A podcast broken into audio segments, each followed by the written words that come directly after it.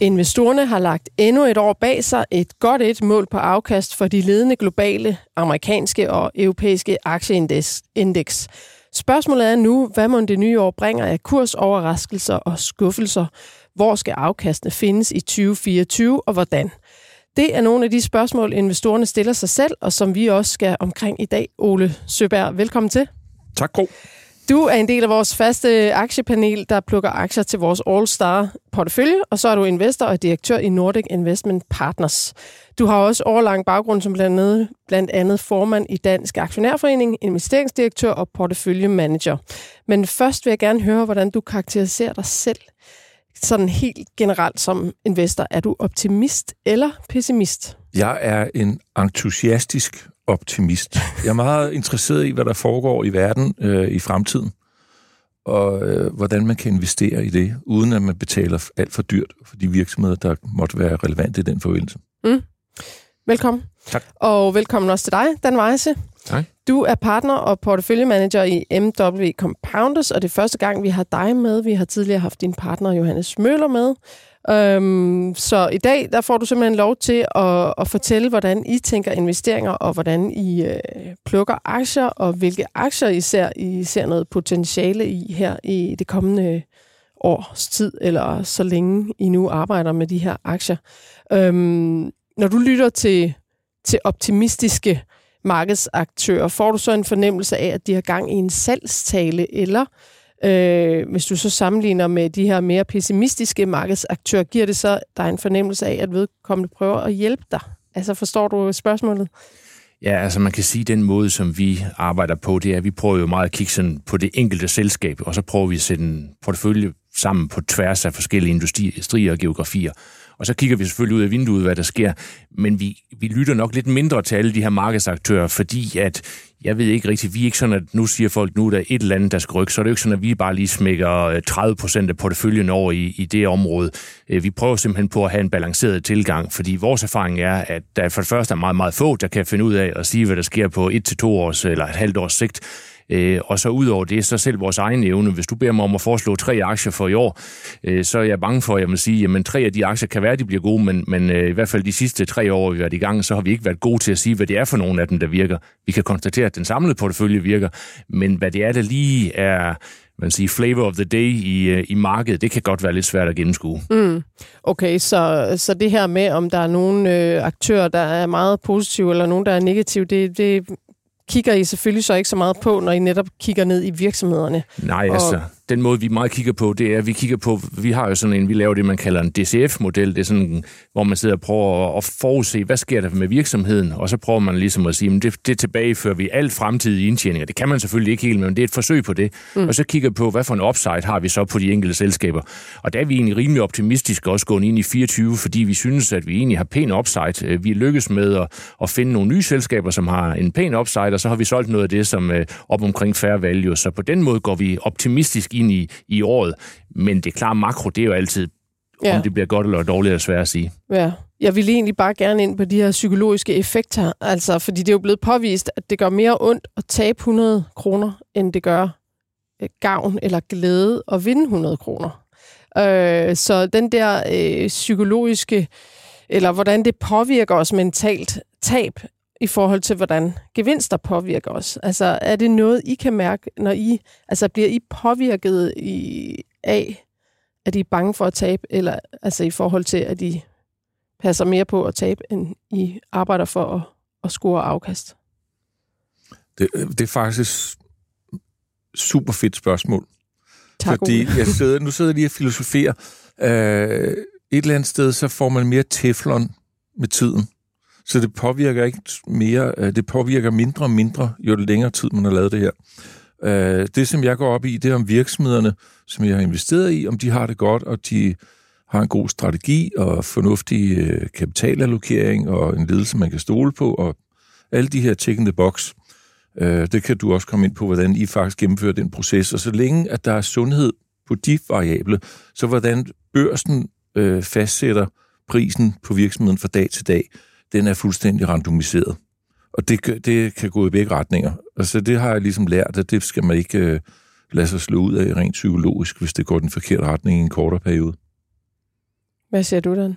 Jamen, jeg synes at vi prøver at beskytte vores egne og investorernes penge bedst muligt, og det gør da, at øh, vi bliver da træt af det, når der er aktier, der gør det dårligt. Altså, det er da, det er da ikke sjove dage på kontoret, hvis der kommer dårlige meddelelser, øh, og så glæder vi os selvfølgelig, når de stiger. Men det, der er vigtigt, det er jo at forsøge at holde hovedet koldt. Altså, det der, man ikke må gøre, det er, at man må jo ikke panikke, og så sige, åh, den her lorte aktie, den, øh, den skulle vi ikke have haft, og vi sælger den bare. Altså, så må man ligesom sige, okay, hvad er det så, der sker? Er det noget, der, der gør, at vi skal ændre syn på selskabet, og også hvad er det så for en aktiekurs. Så på den måde, øh, så prøver vi ligesom at, at stille os et skridt tilbage, både når det går godt, og når det går dårligt, og så sige, jamen, hvad er det så, hvor står vi hen i dag? Fordi der er også noget med, at aktiemarkedet vil hele tiden betale en eller anden pris for et selskab, og det er jo også det, man ligesom er op imod, og det der også gør aktier interessant, men også svært. Det er jo ikke mm. svært at finde gode selskaber. Det er svært at finde ud af, om det er den rigtige pris. Mm. Så det er faktisk noget af det, vi bruger ret meget tid på at overveje. Er det så den rigtige pris, man betaler for det her selskab, som vi egentlig synes er et godt selskab? Ja, det skal vi høre meget mere om øh, om lidt. Øhm, og øh, jeres generelle syn på aktiemarkedet, og hvor I ser risici og muligheder henne. Og så skal vi også runde vores All-Star-portefølje, for der er nemlig sket noget øh, spændende nyt. Og øh, der er både købt og solgt, og det vil øh, børsens investorredaktør Simon Kirketab øh, fortælle mere om, når vi ringer ham op senere i den her Børsen Investor podcast. Så velkommen til jer, der lytter med. Mit navn er Gro Højer Tilst.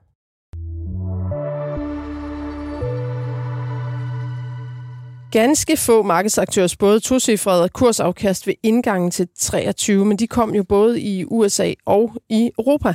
Øhm, investorerne lukkede døren til 23 med en stærk optimisme. De forventer nu, at 24 bliver rig på rentenedsættelser fra centralbankerne. De forventer, at inflationen vil nå ned omkring de 2% og at indtjeningen i selskaberne de skal stige med cirka 10% i Sydbank karakteriserer man investorernes stemning som euforisk, og derfor lyder indgangsreplikken til 24, at, citat, de aktuelle aktiekursniveauer efterlader ikke plads til skuffelser på hverken indtjening, fortsatte inflationsfald og rentenedsættelser, citat slut. Bankens aktieanalysechef Jakob Pedersen, han skriver i årets første aktiestrategi, citat, det er et dårligt udgangspunkt for bare nogenlunde aktieafkast i 2024. På den baggrund, Ole Søberg, hvad siger du? Står investorerne som jubeloptimister her ved indgangen til 24 og kigger direkte ind i skuffelser, som øh, Jakob Pedersen han indikerer? Ja, det ved vi om 12 måneder. Men øh, det, det, det er godt sagt, det tager Ole. tid. Men øh, hvis de 10% indtjeningsvækst, eller rettere, jeg tror bliver 12, øh, ja. når jeg kigger på konsensus. Hvis de ikke bliver til noget, så er børsen jo fuldt øh, vurderet lige nu her. Og her til morgen, der læste jeg, øh, hvis du tager Bloomberg bottom-up og top-down, så er det øh, bottom-up, og det vil sige selv, eller bankernes øh, enkelt aktieanalyser mm. akkumuleret opad, der siger man, der er 12% til 15% afkastpotentiale. Men tager man strategerne, ja. så siger de 0, stort set. Okay. Altså plus minus 0 procent. Og det kan da godt være, at øh, strategerne er ret. Men øh, så var der så en backtest tilbage til, 19, øh, til 1994, eller nej, jo, det er også ligegyldigt, hvornår det var. Men langt men, tilbage. Men øh, langt tilbage. Og strategerne, de har tilbøjelighed til at gå ved siden af hele tiden. 50 procent af tiden giver det de helt ved siden af. Øh, bottom-up, de giver der 75 procent rigtigt. Så øh, hvis man siger, at øh, aktieanalytikerne akkumuleret, de har 75 procent ret, så lander vi sådan et sted på et 8-10-12 procents afkast i indværende år. Men jeg tror, altså nu har jeg ikke læst det, som, som Sydbank har skrevet, men øh, min tese er, at vi får ikke seks, jeg tror det, er det ikke seks rentenedsættelser, der efterhånden er indiskonteret i USA? 6-5 stykker, jo. Ja, jeg tror, det bliver en tre, måske fire. Øh, men retningen er god nok. Øh, inflationen vil sandsynligvis komme ned, og det kan så uden for de allerdyrest vurderede aktier i USA, så kan det sted komme, at du får en lidt højere vurdering, øh, faktisk uden for de her, de fylder 25 procent af hele børsen, de 10 største. Ja. Øh, så de andre 75 procent af børsen, de er ikke specielt dyrt vurderet, og den del kan få et løft opad. Men hvordan de 10 største øh, opfører sig i indværende år, det kan jo påvirke hele indeksniveauet. Præcis, ja. Hvad, så det er sådan, øh, ja, S&P 500, hvor man skal i gang med at plukke, for eksempel? Altså at ja, finde... S&P 490 kan du begynde at lede. Ja, ja det nye indeks.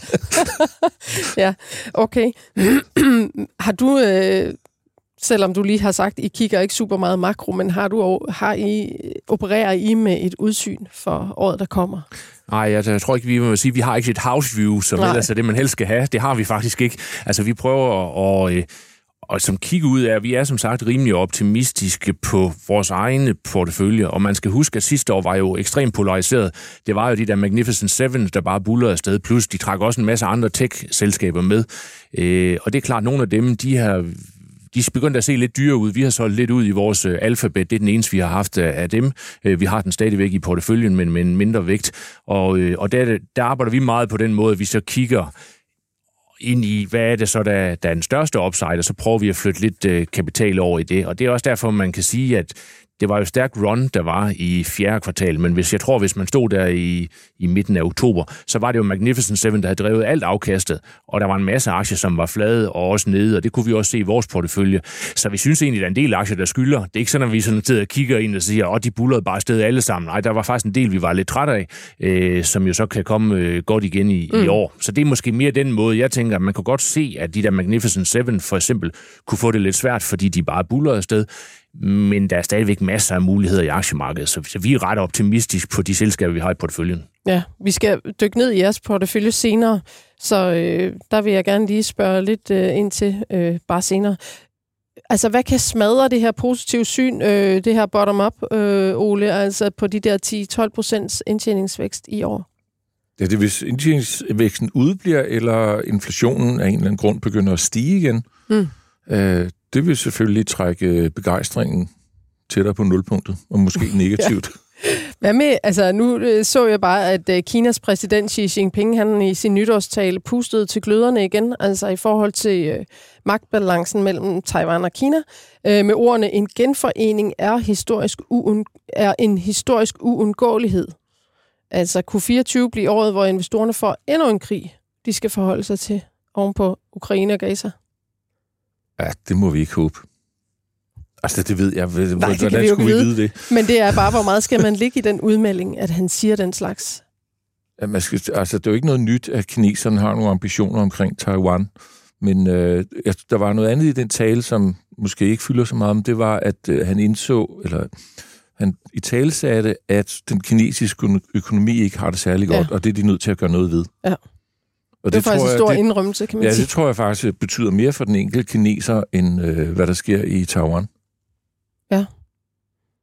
Hvad øh, siger du, Dan, til Kinas økonomi? Ja, Kinas økonomi kan jeg både have noget, men også sådan til mere generelle spørgsmål, så kan man sige, at det er jo klart, at hvis øh, man kigger på, at aktiemarkedet gjorde det så godt i, i fjerde kvartal, så var det jo også, øh, det, det, Bank of America lavede den her fund manager survey, og der er det meget interessant at se, hvordan øh, man skal ligesom narrativ, er skiftet, hvor man nu begynder at sige, ah, at det bliver måske no landing eller soft landing øh, i økonomien. Og for et år siden, da vi sad øh, sikkert I sad rundt om bordet, så ville vi nok sige, uh, det bliver noget af en recession, vi kommer ind i det er jo ikke sådan, at der, der kunne jo komme en recession. Altså det, det tror jeg ikke, det er ikke i basisscenariet, men det er jo ikke sådan, at man kan udelukke det.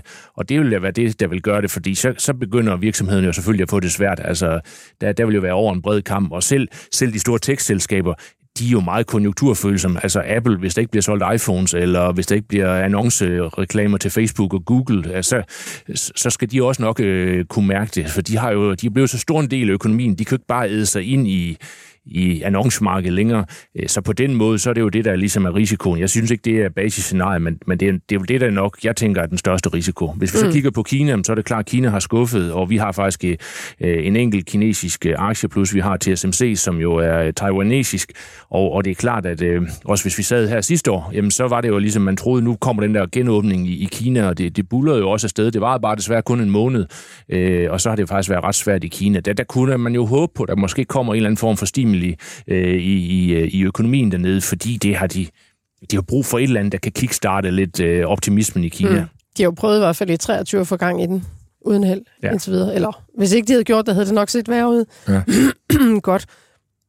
Jeg kunne godt tænke mig at bare lige ganske kort nævne, at, øhm, at øh, der er en bog, øh, der hedder The Psychology of Money, skrevet af en, der hedder Morgan Housel, og han er partner i venturekapitalfonden Collaborative Fund, og han øh, kritiserer nemlig de her outlooks, der er fra forskellige banker, og, øh, og det er jo, som du var inde på, I har ikke et house view, men det er der så mange, der har i, øh, i hvert fald på Wall Street, øh, hvor han skriver sådan noget med, at jeg regnede en gang ud, at hvis du antager, at markedet stiger med det historiske gennemsnit, vil din nøjagtighed være bedre, end hvis du følger det gennemsnitlige årlige forecast fra top 20 markedsstrategierne fra de største Wall Street banker. Og så tilføjer han, at en prognose kan gøre mere skade end gavn. Den giver en illusion, illusion af forudsigelighed i en verden, hvor uforsete hændelser styrer de fleste resultater. Hvad siger du, Ole? Det har Hvordan helt ret du- i. Det var det, jeg Ja. ja. nævnte lige før. Øh, Det er Fiduram, der sendte den her ud i morges. Øh, Og de, det er en London-baseret investeringsbank. Og de siger, at øh, hvis man bare tager markedssnittet på, det er vist nok 7,5 procent øh, siden 1954, så, og så siger, at det her det bliver årets afkast, så er det mere korrekt, end hvad strategerne gør. Ja. Og de sidder og får penge for det. Det andet her, det er bare at trække en lineal. Mm. Så man kan sige, strategernes øh, øh, hvad hedder den, evne til at ramme inden for dartskiven, den er ikke verdens bedste. Og har alligevel du- så bruger vi så dem simpelthen dem- så meget her. Men øh, de sidder jo sammen med, med øh, de analytikere, der følger enkeltselskaberne meget mere ned i detaljen, og de enkelte selskabsanalyser og kurstargets, når du akkumulerer det op, det giver jo, som jeg nævnte før, et Ja. bedre øh, correctness. Faktisk også bedre end gennemsnittet på den lange bane. Så det er, det er ikke meget, det giver, men det giver en lille smule mere. Så man skal faktisk nok mere lytte med til, øhm, til sell-side-analytikerne, som de hedder. Ja, Og det så er så jeg et studie sidste år, at når du tager alle de år væk, hvor der er kommet en overraskende recession, det vil sige for eksempel 2008, så gætter sell-side plus minus 3 procent korrekt, hvis du tager de her år frem. Hvis du tager dem med, så giver det de 7 procent for højt hvert år. Men det kræver det selvfølgelig, at du tager 2020 og 2008 med, og hvis nok også 2001, øh, når vi havde 9-11 og alt det Mm. der gav en recession. Men øhm, ellers så skal man lytte til, hvad, hvad bankernes øh, aktieanalytikere siger. Ja. Det var konklusionen på det, som jeg læste. Ja, det lyder jo fornuftigt. Investeringsforeningen MW Compounders har siden lanceringen i slutningen af 2020 øh, slået sit benchmark, og sammenligningsindekset det er det globale aktiemarked i form af MSCI All Countries World Index, også kaldet AQUI. Helt konkret har I hentet et afkast på 57,7 procent efter omkostninger sammenholdt med benchmarket øh, på 38,1 procent for samme periode. Er det korrekt? Det lyder meget rigtigt. Ja. Det er lige der omkring 20 procent bedre end markedet øh, Okay. efter omkostninger. Og I begyndte med at have 300 investorer og cirka 100 millioner kroner under forvaltning, og nu har I altså omkring 1 milliard kroner under forvaltning og cirka 4.000 investorer. Dan, hvad lykkedes for jer? Jamen, jeg tror, at det er en kombination af flere ting. Øh, kapitalforvaltning, eller det handler jo lidt om to ting. Det handler om at lave et ordentligt afkast, og så give tillid. Og øh, man kan sige, at det virker til, at vi lykkes med begge dele. Den ene ting er jo afkastet, som har været rigtig godt, og det er vi jo naturligvis øh, glade og stolte over. Og det skal jo også helst være sådan, at når man er med, så skal det jo være bedre end at købe et passivt indeksprodukt. Øh, det er ligesom vores langsigtede øh, eksistensberettelse, så det er vi jo glade for, at vi lykkes med. Og så den anden del, vi har gjort, det er, at vi prøver at være ret åbne omkring, hvad vi gør. Man kan melde sig til vores nyhedsbrev, så kan man få hver kvartal en opdatering på, hvad har virket, hvad har ikke virket. Og inde på vores hjemmeside kan man se, hvad for nogle øh, aktier vi har, og hvis vi køber et nyt selskab, så plejer vi at lave en lille video også. Og det, det tror jeg, mange godt kan lide, fordi hvis du nu køber et produkt nede i din bank, jamen så ved du måske ikke engang, hvem det er, der sidder og styrer dine penge, og du ved heller ikke, hvad omkostningen er, du ved ikke rigtig, hvad interesserne er. Altså her er der ligesom to, der har investeret deres egen penge, og man ved det også, og man kan se os, og, og vi skriver på LinkedIn og sådan noget. Så jeg tror, den der tillidsfaktor har også øh, været den ting, der har, har virket. Så jeg tror, det er de to ting, der har ligesom øh, kombineret, og så vi har været aktive på sociale medier og, og deltaget her og andre podcast. Ja, og det er vi selvfølgelig glade for, at I gider at være så åbne omkring jeres investeringer. Det elsker vi jo, øh, fordi vi jo mener, at vi kan lære noget af det. Og i jeres navn, altså Compounders, fortæller I jo, at I op vil, eller vil opnå rentes, renteeffekten. Og det er jo en stærk kraft over tid, og den arbejder og næres jo bedst, når afkastene får lov til at arbejde øh, netop, netop øh, over lang tid.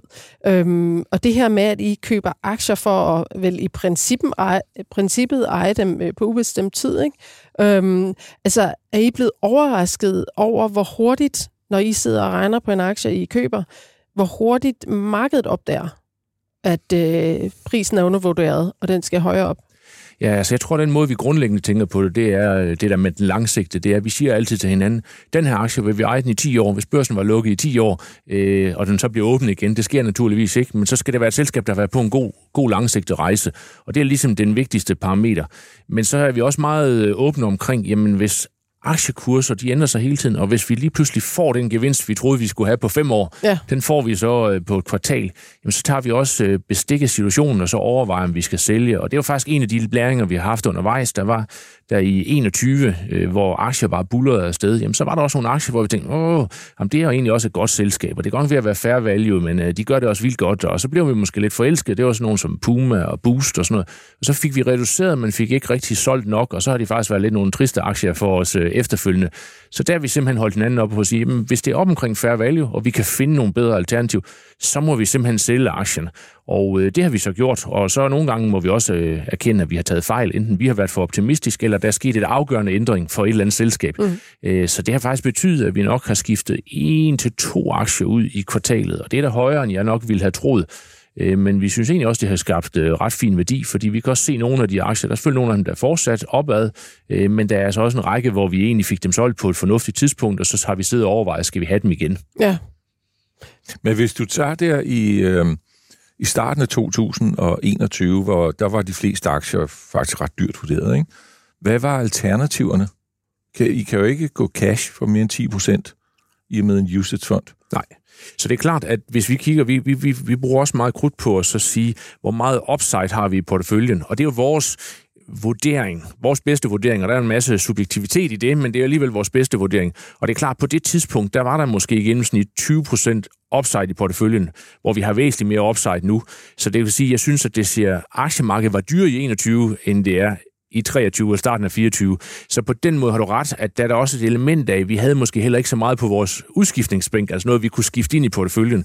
Og det var både noget, med en markedprise, men det var måske også, vi kunne måske bare have været klar med lidt flere. Så det er faktisk noget af det, vi har brugt en del krudt på, det er at sige, vi skal have noget ude på vores udskiftningsbænk, mm. som så kan blive skubbet ind, hvis der er et eller andet, der bare er kørt.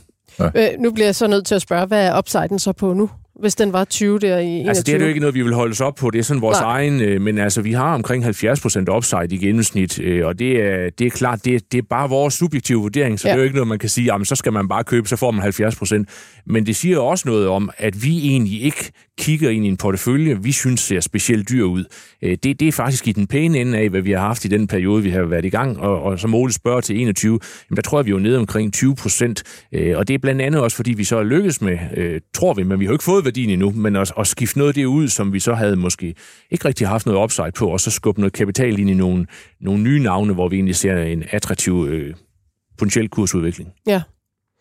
Altså, I, det er jo ikke, fordi I gentænker jeres strategi så, altså undervejs, men I, I taler jo om, hvordan I er lykkedes, og hvad I ikke er lykkedes med undervejs. Ikke? Altså, man kunne jo godt sige det der, for eksempel har I solgt Novo Nordisk, mm-hmm. ved jeg, øh, på et tidspunkt, øh, hvor den var steget rigtig meget. Den er så steget endnu mere siden.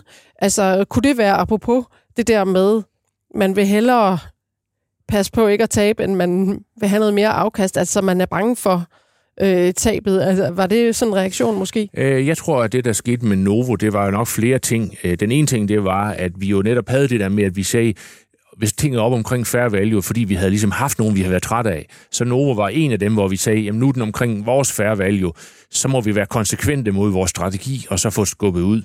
Og så kan man sige, at det, der er sket med Novo Nordisk, det er jo, det er jo et fantastisk selskab, og det vidste vi også. Men altså, tror jeg, grund til, at den steg øh, for 50 procent sidste år, det var jo også, at det bare bullerede sted. Altså, jeg har ikke set farmaselskaber før, der leverer 40 procent omsætningsvækst, altså store farmaselskaber. Og det er klart, det, det skulle vi jo selvfølgelig også det kunne have været fedt, hvis vi havde fanget det, for så skulle vi jo ikke have, have solgt den.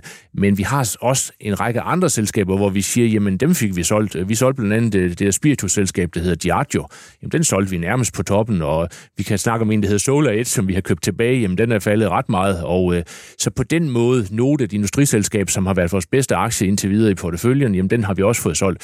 Så jeg synes ikke, det er sådan, at vi sammenlagt siger, at vi, vi fik ikke holdt ved de der vinder. Øh, men der er der nogen, dem skulle vi da have haft, og det har været, både været noget med, at markedet er blevet mere positivt. Det kan man ikke rigtigt. Der må man sælge, fordi markedets øh, sentiment kan skifte. Men det er klart, estimatmæssigt, så kan det gå bedre i Novo, og det er klart, det, det, det ville have været rart at fange. Ja. Hvad siger du? Det er mere en øh, anekdote, fordi i, jeg var jo i Skagenfonden en del år, og der kørte vi også de her, hvad er der upside på portføljen, øh, to til tre år ude i fremtiden. Og de lå, det findes ikke længere på hjemmesiden, men det var meget transparent på det tidspunkt. Så lagde dem ud på hjemmesiden, så lå de der hver måned. Øh, og der var, så tog vi så alle de historiske rapporter, og hver gang, at upside den var under 35 procent, så gik man faktisk ind i en lidt svag periode på aktiemarkedet, og hver gang den var over 60 procent, og det skete egentlig ikke så tit, så var, gik man ind i en meget positiv periode. Og så havde vi jo øh, data tilbage fra år 2000, så vi havde faktisk nogle lange tidsserier. Det er i 2015, da vi begyndte at lave det. Og så den virker, den der metode. Så når du kun ser 20% upside, så er det i virkeligheden en slags øh, faresignal med at gå meget defensivt. Mm. Det lyder Og omvendt, hvis det er 70 procent, så lyder det, lyder det meget godt. bullish, men jeg ved ikke, hvilken Ah, men tidsperiode nu, der, derfor jeg, jeg er jo ikke nu øh, dem, der sidder med som lyttere. altså lad være med at købe vores fond og så tro. Altså, det, det, det er simpelthen ikke noget. Det er mere sådan bare for at prøve at forklare, hvordan vi arbejder. Jamen, og det så, er og så kan man billede. ligesom sige, jamen noget af den øvelse, det er jo, vi prøver at have, vi har 20-30 aktier øh, i porteføljen, vi har omkring 25. Det er det, vi de facto har så prøver vi at have lidt af hvert. Så vi prøver jo at have noget i forskellige geografier, og på forskellige geografier, forskellige sektorer. Men vi kan jo godt skrue porteføljen hen imod et eller andet, hvor vi har mest upside. Så vi putter aldrig alt ind i amerikansk teknologi, eller svensk industri, eller dansk pharma, men vi kan jo godt begynde at bevæge porteføljen et eller andet sted lidt mm. henad. Og der er det noget af det, vi blandt andet har gjort på det sidste, det er, at vi synes, at nogle af de der, det man kalder stabil forbrug, øh, de har jo sådan set haft det svært i en periode. Der var sådan øh, på et tidspunkt, der hvor renten faldt og faldt, så dem, der var over i obligationsmarkedet, der fik 0 i rente, jamen de øh, tænkte, åh, jeg bliver nødt til at gå over i markedet, men jeg vil kun have det, der ligner mest muligt en obligation. Og det betød frem til, jeg tror, 15 eller 17, så bullede de der Nestle og jamen, ja, nogle af de der forskellige, Unilever. Diageo, Unilever, ja. alle de der, de bullerede afsted, mm. og hvis man så var øh, forvalter og ikke havde en masse af det, så blev man kørt over. Men faktisk siden der, så har det faktisk øh, været lidt dårligt, og det er fordi, at jamen, indtjeningsvæksten har måske ikke været så god, plus at de der turister i aktiemarkedet, altså dem, der ikke rigtig kan lide at være i aktiemarkedet, jamen, nu får de faktisk noget på deres obligations... Øh, øh, afkasser, de er begyndt at rykke sig ud af markedet, mm. virker det til. Og derfor ser vi ret pæn upside i noget af det, og det er faktisk øh, nogle af de aktier, vi har købt på det sidste. Og det dem for vil det jeg område. rigtig gerne høre om lige om lidt, men først også bare lige for at... Øh, nu siger du, at nu skal man ikke løbe ind i jeres fond, så øh, nu vil jeg komme med lidt statistik her. S&P øh, Global, øh, de står bag sådan en årlig opgørelse, der hed, kaldes SPIVA, og jeg tager bare udgangspunkt i den fra sidste år, for den nye er ikke kommet. Øh, og den viser, hvordan de aktive aktiefonde klarer sig i forhold til de, øh, de passive aktieindeks. Øhm, og der kigges på verdens forskellige regioner, øh, men det gælder sådan set for alle regioner, at på kort sigt, så kan de aktive aktiefonde nogenlunde øh, følge med de passive indeks. Og det vil sige, at i, for, hvis vi tager udgangspunkt i USA, så kan i underkanten af 40 procent af de aktive fonde slå de passive fonde. Men på 15 års sigt, så er det altså under 8 procent af de aktive, der slår markedet, altså det passive aktieindeks. Øh, det var bare lige sådan for at sige, det kan godt være, at I har klaret jer rigtig godt i tre, lidt mere end tre år. Vi ved ikke, hvordan fremtiden bliver. Altså, men hvordan vil du forsvare øh, jer som en aktiv fond i forhold til den her uhyggelige statistik? Hvad er det, der, der den her statistik bygger på? Altså, der er jo flere forskellige ting, der gør sig, sig gældende. Altså, man kan jo sige, grundlæggende, når man køber passive produkter, så lukrerer man jo på de aktives arbejde. Så derfor er markedet jo forholdsvis effektivt. Altså, det, der sidder jo rigtig, rigtig mange, der prøver at give deres bedste bud, og de arbejder fuld skrald på det. Øh, så det er den første ting, man skal være opmærksom på. Så den næste ting, man skal være opmærksom på, det er blandt andet i nogle af bankerne. Jamen, så er det nærmest en større karriererisiko at gøre det dårligere end markedet, end den klap på skulderen, du får, når du gør det godt. Og det betyder, at der er mange steder, hvor man sidder og kigger utrolig meget på det her indeks, mm. og ligger sig nærmest op af indekset, og så ender du måske med at have 70 eller 80 procent af din portefølje. Det er de facto markedet. Og så har du lige lidt, du kan lægge og køre på. Hvis du så har høje omkostninger, mm. øh, fordi det er et aktivt produkt, så er det i hvert fald dyrere end et passivt, jamen så vil du slå det, og øh, have, meget svært ved at slå det. Og især de der produkter med 100-200 aktier, jamen så er du altså de facto op og køre nogenlunde markedet, i hvert fald hvis du fordeler dig på alle sektorer, ligesom øh, industri, øh, øh, Øh, hvad hedder det, indekset. Og det gør vi slet ikke. Altså, Nej, vi, så man skal måske kigge efter, hvor mange aktier ligger der i porteføljen, når man vælger fond? Ja, det er i hvert fald noget, der er. Og så er det, at øh, man skal passe på med at bare sidde og kigge. Fordi vi har også erfaring fra, vi har også siddet øh, steder, hvor man sidder og kigger meget på det.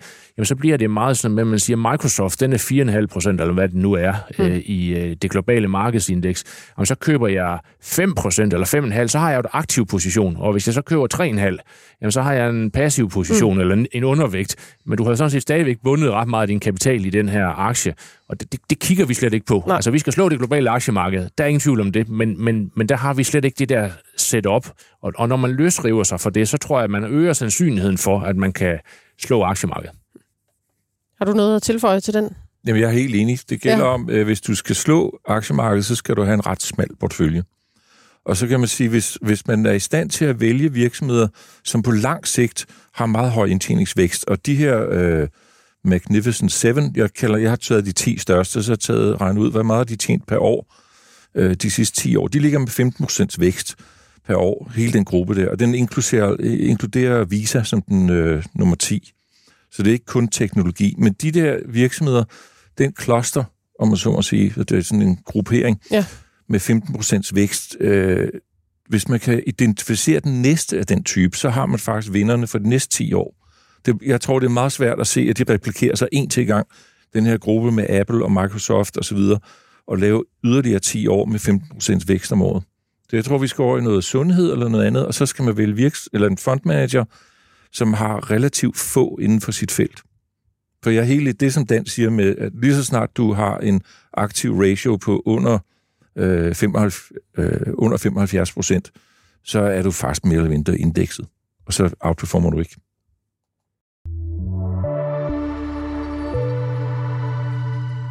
Og med de ord, så lagde du direkte bolden op til, at øh, vi skal tale lidt om de aktier, der så ligger i jeres portefølje.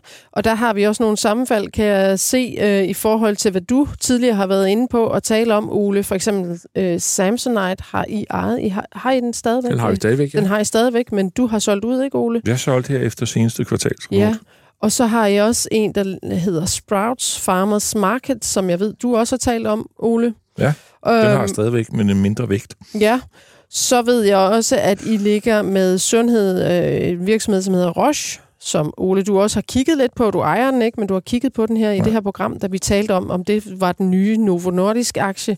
Konklusionen var lidt, i hvert fald ikke endnu. Øh, men, ja, øh, det var min holdning. Det var din holdning, ja. Øhm, men vil du ikke sige lidt, når du sidder og kigger på jeres portefølje og siger, at I, I beregner den til at have en upside på 70 procent, så lyder det jo simpelthen så lækkert. Hvilke vil du prøve at, at tage et par aktier frem, der ser ud som om, de, øh, de kunne altså godt øh, løbe længere, end de har gjort indtil videre? Ja, altså man kan sige, at jeg, jeg har flere forskellige aktier, man kunne, kunne tale om. Og igen, øh, jeg starter også med at sige, tror jeg, at øh, hvis jeg siger tre aktier, så er det altså nok ikke nødvendigvis desværre dem, som, øh, som bliver de bedste aktier i, i 24. Og det er jo derfor, man siger, at vi siger, at vi står mål med vores portefølje, fordi det er den, man ligesom skal købe ind i. Øh, og, og det er jo også den, der har givet det gode afkast, fordi det netop er, at man kan tage sig lidt i håret og så sige, åh, men hvorfor havde vi ikke lige set det? Men så er det gengæld, så er der noget andet, som bare øh, måske er bullet afsted. Øhm, så man kan sige, at nogle af de ting, hvis, altså nu har jeg talt om de her øh, stabil forbrug øh, aktier. Øh, der har vi købt øh, ABI Inbev, som er øh, verdens største øh, ølproducent. Og øh, de har nemlig ikke gjort meget væsen af sig. De købte nogen, der hedder Saab Miller tilbage, jeg tror det var i 15 eller 16. Et ret stort og dyrt, lidt dyrt opkøb øh, for dem. Og det har de øh, sådan set haft noget modvind på. Og så på det sidste, så har de også haft modvind i USA på grund af, sådan, øh, de har lavet sådan en meget uheldig markedsføringskampagne inden for Bud Light. Øhm, og det er sådan nogle aktier, vi godt kan lide. Hvis der, er lidt, hvis der nu er en eller anden bump på vejen, vi egentlig mener et godt selskab, men der er et bump på vejen, eller sentiment er skiftet, jamen så er det sådan en aktie, vi har købt, øh, hvor man kan sige, at de har egentlig ret sådan stærke brands, et fornuftigt cashflow. De er blevet ramt af, at øh, inflationen har været høj på mange af deres øh, råvarer, og det er jo begyndt at komme ned i inflationen, og det vil sige, så kan de vælge nogle af de der prisstigninger, de ikke helt kunne kompensere for, øh, måske 22-23, begynder at sende det videre til forbrugerne. Øh, så det er en aktie, vi har købt, øh, også meget ud for det, at den har faktisk ikke gjort meget væsen altså de sidste fem år. Så en anden aktie, vi har, øh, vores seneste aktie, vi har købt, øh, meldt ud omkring, det er en, der hedder Dollar General, som er sådan et, et supermarkedskædeagtigt, altså det er et stort amerikansk, de har 20.000 butikker i USA. Det minder måske sådan lidt om noget netto normalagtigt, så vi har ikke helt formatet, så det er sådan måske også lidt 7-Eleven-agtigt. Altså det er sådan et, et, i hvert fald sådan et koncept, der har været en, en fantastisk compounder. Hvis man kigger på det, altså compounder, hvis jeg compound, selskaber, der har været på en god langsigtet rejse, så har det faktisk været et rigtig, rigtig godt selskab i mange år, og folk har ville betale rigtig meget, øh, også for, for det selskab. Og så i, i slutningen af 22 og især i 23, så har de sådan set faktisk leveret ret dårlige resultater. De mm. har fået lav vækst, og de har været ude og, og haft pres på marginerne, som faldt. Jeg tror, de havde 10% marginer, nu er de vist nede på en 6 stykker eller sådan noget. Og diskussionen er, kan de nå op på 7,5-8 stykker igen.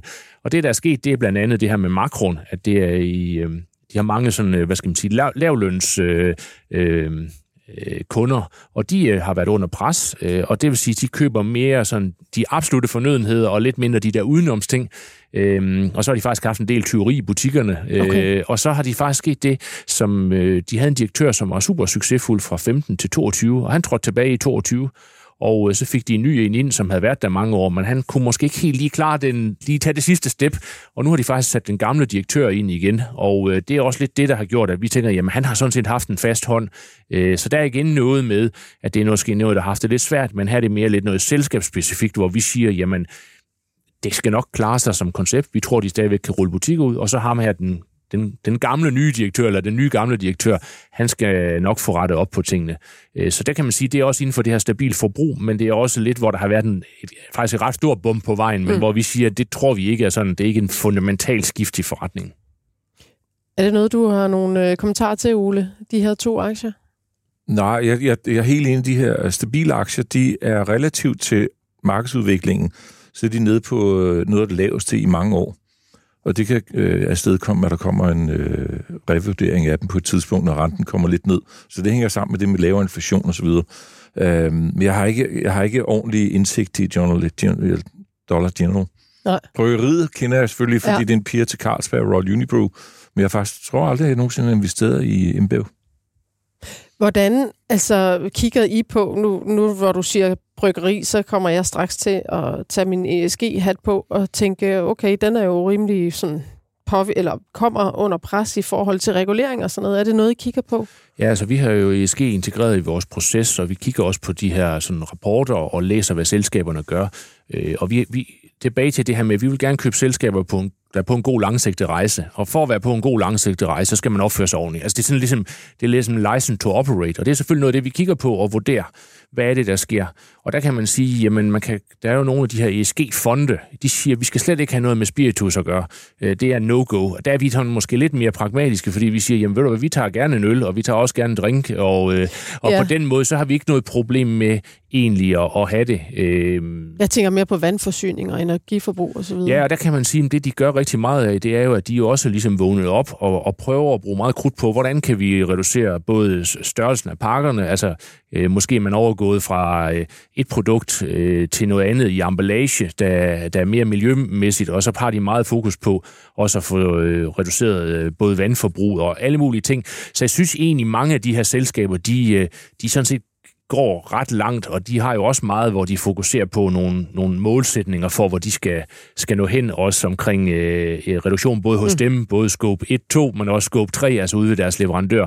Øh, men altså derhen her holder vi os også lidt nogle af de der rapporter, man kan, kan læse, fordi at det er klart, at vi, øh, vi, vi kigger på det, men det er jo ikke vores sådan, kerne-kernekompetence.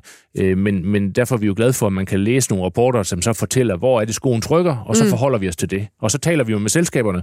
Vi har flere selskaber i porteføljen, især nogle af de mindre, hvor vi så har sagt, at det er faktisk vigtigt for os, at I gør noget ved det. Både at de rapporterer på det, men også at I det underliggende reelt set gør en, en bedring. Og det har vi haft dialog med flere af vores øh, porteføljeselskaber omkring. Okay, så I tager dialogen simpelthen? Ja, bestemt. Ja. Altså, det er klart, det er kæmpestore øh, øh, amerikanske blue chip selskaber, de er lidt ligeglade med, med sådan en lille kapitalforvalter i, i Danmark, men, men ellers nogle af de mindre selskaber, især hvor vi har mulighed for at få en, en, øh, en dialog, der har vi sådan set, øh, går vi i, i dialog med dem og siger, at det er vigtigt for os, og vi synes, at, at I selvfølgelig skal I opføre ordentligt, men også at rapportere på det og, og prøve at gå den rigtige retning. Mm. Hvad med, altså for eksempel, jeg ved godt, at du... Øh du ligger jo meget op til, at du helst ikke vil tale om, hvor I ser aktierne henne. Øh, men du peger alligevel på de her to aktier. Hvis vi tager Dollar, Dollar General, så var du inde på, at den var faldet en del. Og øh, sådan årligt afkast siden øh, maj øh, øh, 2020, hvor jeg lige kunne trække det tilbage til, der er det faldet årligt med, eller den aktie øh, 6,4 procent cirka. Øh, hvor, altså, i har jo selvfølgelig købt den, fordi I tror på, at den skal opad. Men hvor, hvor, hvor meget kan du sige? Altså, øh, Jamen det, det, og det er også bare, jeg, det er ked af at gro at være så kedelig, men det er jo også fordi, der er faktisk noget regulering inden for det her. Man må ikke sidde og love guld og grønne skove.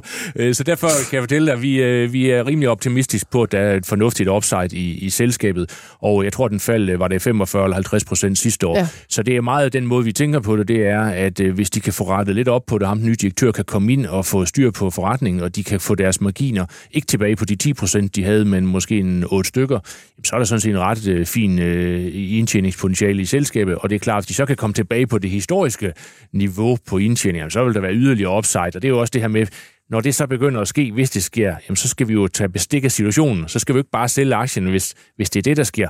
Øh, så derfor kigger vi jo meget, når vi investerer i selskaber, så øh, læser vi alle regnskabsrapporterne og hører ind på deres conference calls og prøver at komme i dialog med selskaberne. Ja. Sådan en som netop øh, Sprouts Farmers Markets, den er jo steget vildt meget. Ja. Hvornår øh, har I opnået jeres øh, fair value der? Jamen, det er i hvert fald en af dem, hvor der er mindre upside, end, øh, end der har været. Det er måske der, hvor vi ligger i den lidt lave ende i forhold til vores gennemsnitlige upside i porteføljen. Og det har også betydet, at vi har reduceret i, i aktien. Øh, vi havde sådan en mellemvægt, og det vil sige, det er sådan lige knap 5%, da vi startede. Det er det, det, vi kalder en mellemvægt. Og, og den har vi så reduceret nedad i løbet af, af den sidste kvartal, tror jeg. Øh, så, så det, er en, det er en lavere vægt for os i dag, fordi den ikke er så attraktiv, som den har været. Og for sådan en som Dollar General øh, har vi så skubbet nogle af pengene over i, fordi vi synes, at den sådan set ser ret attraktiv ud. Og det er meget den måde, vi arbejder øh, nærmest hver dag, hvor vi sådan sidder og kigger på, hvad er den relative upside. Om man kan sige, i de to selskaber, så er det, at øh, Sprouts Farmers Markets, det er måske sådan lidt mere et Irma, der virker, øh, og de andre er måske lidt mere noget normal øh, nettoagtigt, men det er sådan inden for det samme område. Altså mm. det er det her sådan lidt dagligvareagtigt. Og der vil sige, jamen så er det jo også oplagt at flytte noget kapital fra en type altså, selskaber, der er lidt inden for det samme område, så vi stadigvæk har den her spredning på forskellige industrier og geografier. Og hvis man tager et tur til, der er rigtig mange strip malls i øh, Kalifornien, hvor de egentlig ligger næsten lige ved siden af hinanden. Så kan man jo gå ind og tjekke dem næste gang, man er derhen. Ja, god idé. Hvem, har den været, altså Sprouts øh, Farmers Market, har det været en aktie? Jeg mener ikke, I har haft den så længe. Har I det? Altså har det været en af dem, der virkelig bare er priset hurtigt? Altså der har op, markedet opdaget, hvor, Ja, det er jo sådan en, hvor man kan sige, at det er gået lidt stærkt. Øh, altså, i starten, så var den faktisk sådan lidt, øh, lidt trist, og vi fik den også lidt købt sådan lige lidt højt, i hvert fald noget af det, men så er den sådan set steget ret meget. Jeg tror, den er steget fra nogen 30 til knap 50 øh, inden for, jeg kan ikke huske, om det er et halvt år. Altså, det er jo ret meget, kan man sige, for et, et virkeligheden ret stabilt selskab, øh, som er sådan et... Øh, altså en dagligvarebutik. Øh, og det er jo det der, der så sker. Jamen, når man så får den gevinst meget hurtigt, jamen, så bliver man også nødt til at tage lidt bestik af situationen, mm. og hvis man så finder noget andet, hvor man siger, okay, det, det kunne være, at vi kunne lave den øh, rejse en gang til, jamen, så synes vi også, at vi både af hensyn til os selv, men også til vores medinvestorer, altså så skylder vi ligesom at, at sørge for, at portføljen står helt skarp.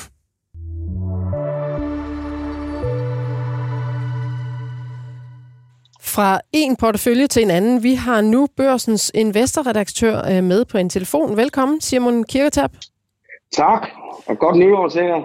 Tak lige, lige måde. Lige måde. Og øh, du har jo haft travlt med at handle og trimme vores All-Star-portefølje, som består af aktier, som vores hold af seks faste aktiepaneldeltagere, de øh, her blandt Ole, øh, har plukket. Og det er jo penge, øh, som Saxo Bank har stillet til rådighed, og det er i alt 600.000 kroner. Og formålet er jo, at vi gerne vil have de her øh, penge til at vokse, så vi kan give dem videre til velgørenhed.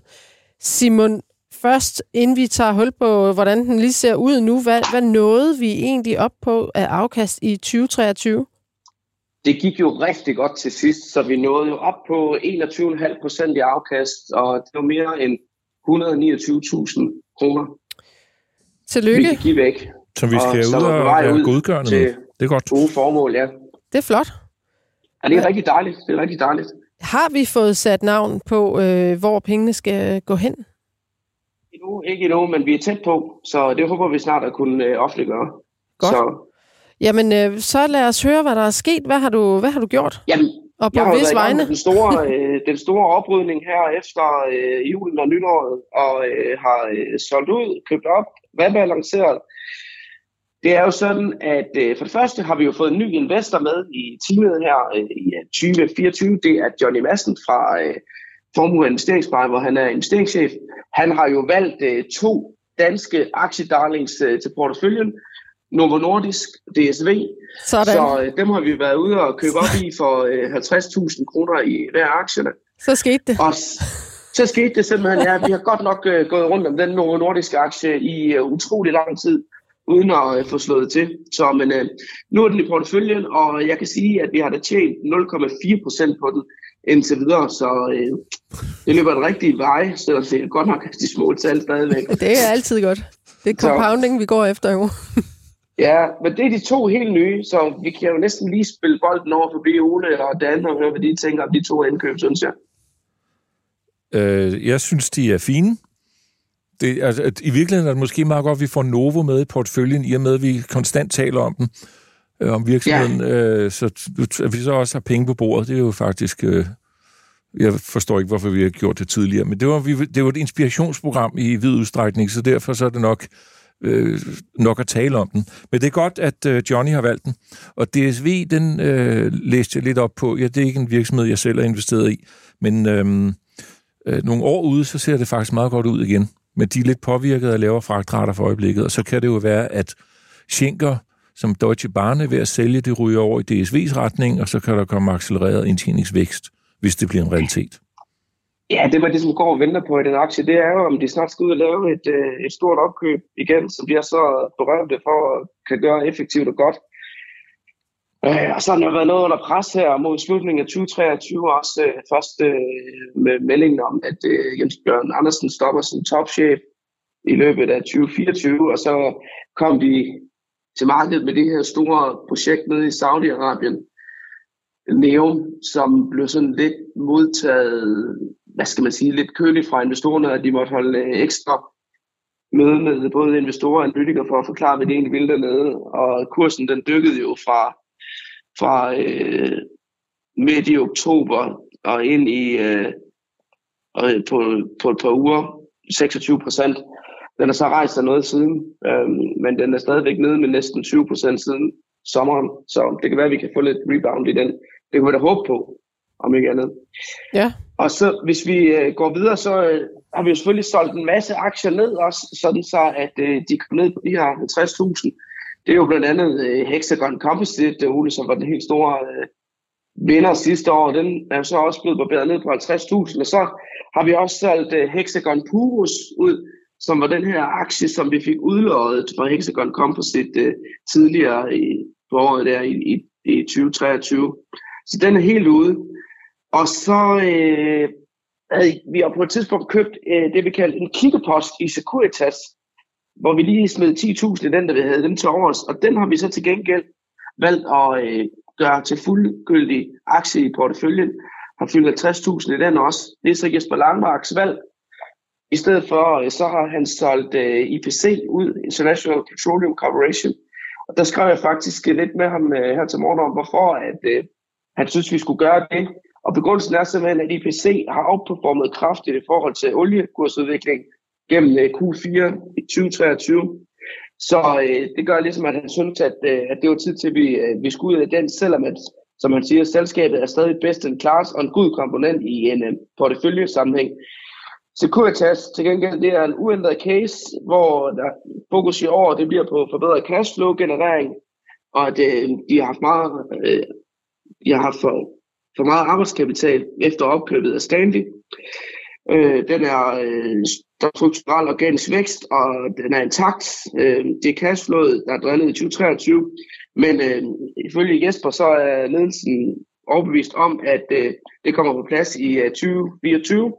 Og så siger han, at vi købte for lidt sidste år i den. Så, så det er en ret i. Den faktisk øh, kørt rigtig godt, øh, siden vi, vi kom ind i den. Så, hvordan, så den, hvordan... Øh, den er også inde nu ja. med, med fuld vægt.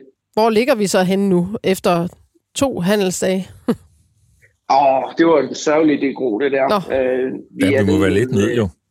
Ja, vi er nede med, øh, med 5-6.000 kroner. Nå, okay. så, så det, øh, kan du ikke lige gentage, hvilke nogle virksomheder, der er i portføljen så? Jo, jo, jeg løber dem lige igennem her. Alibaba, som jo er din Ole, ja.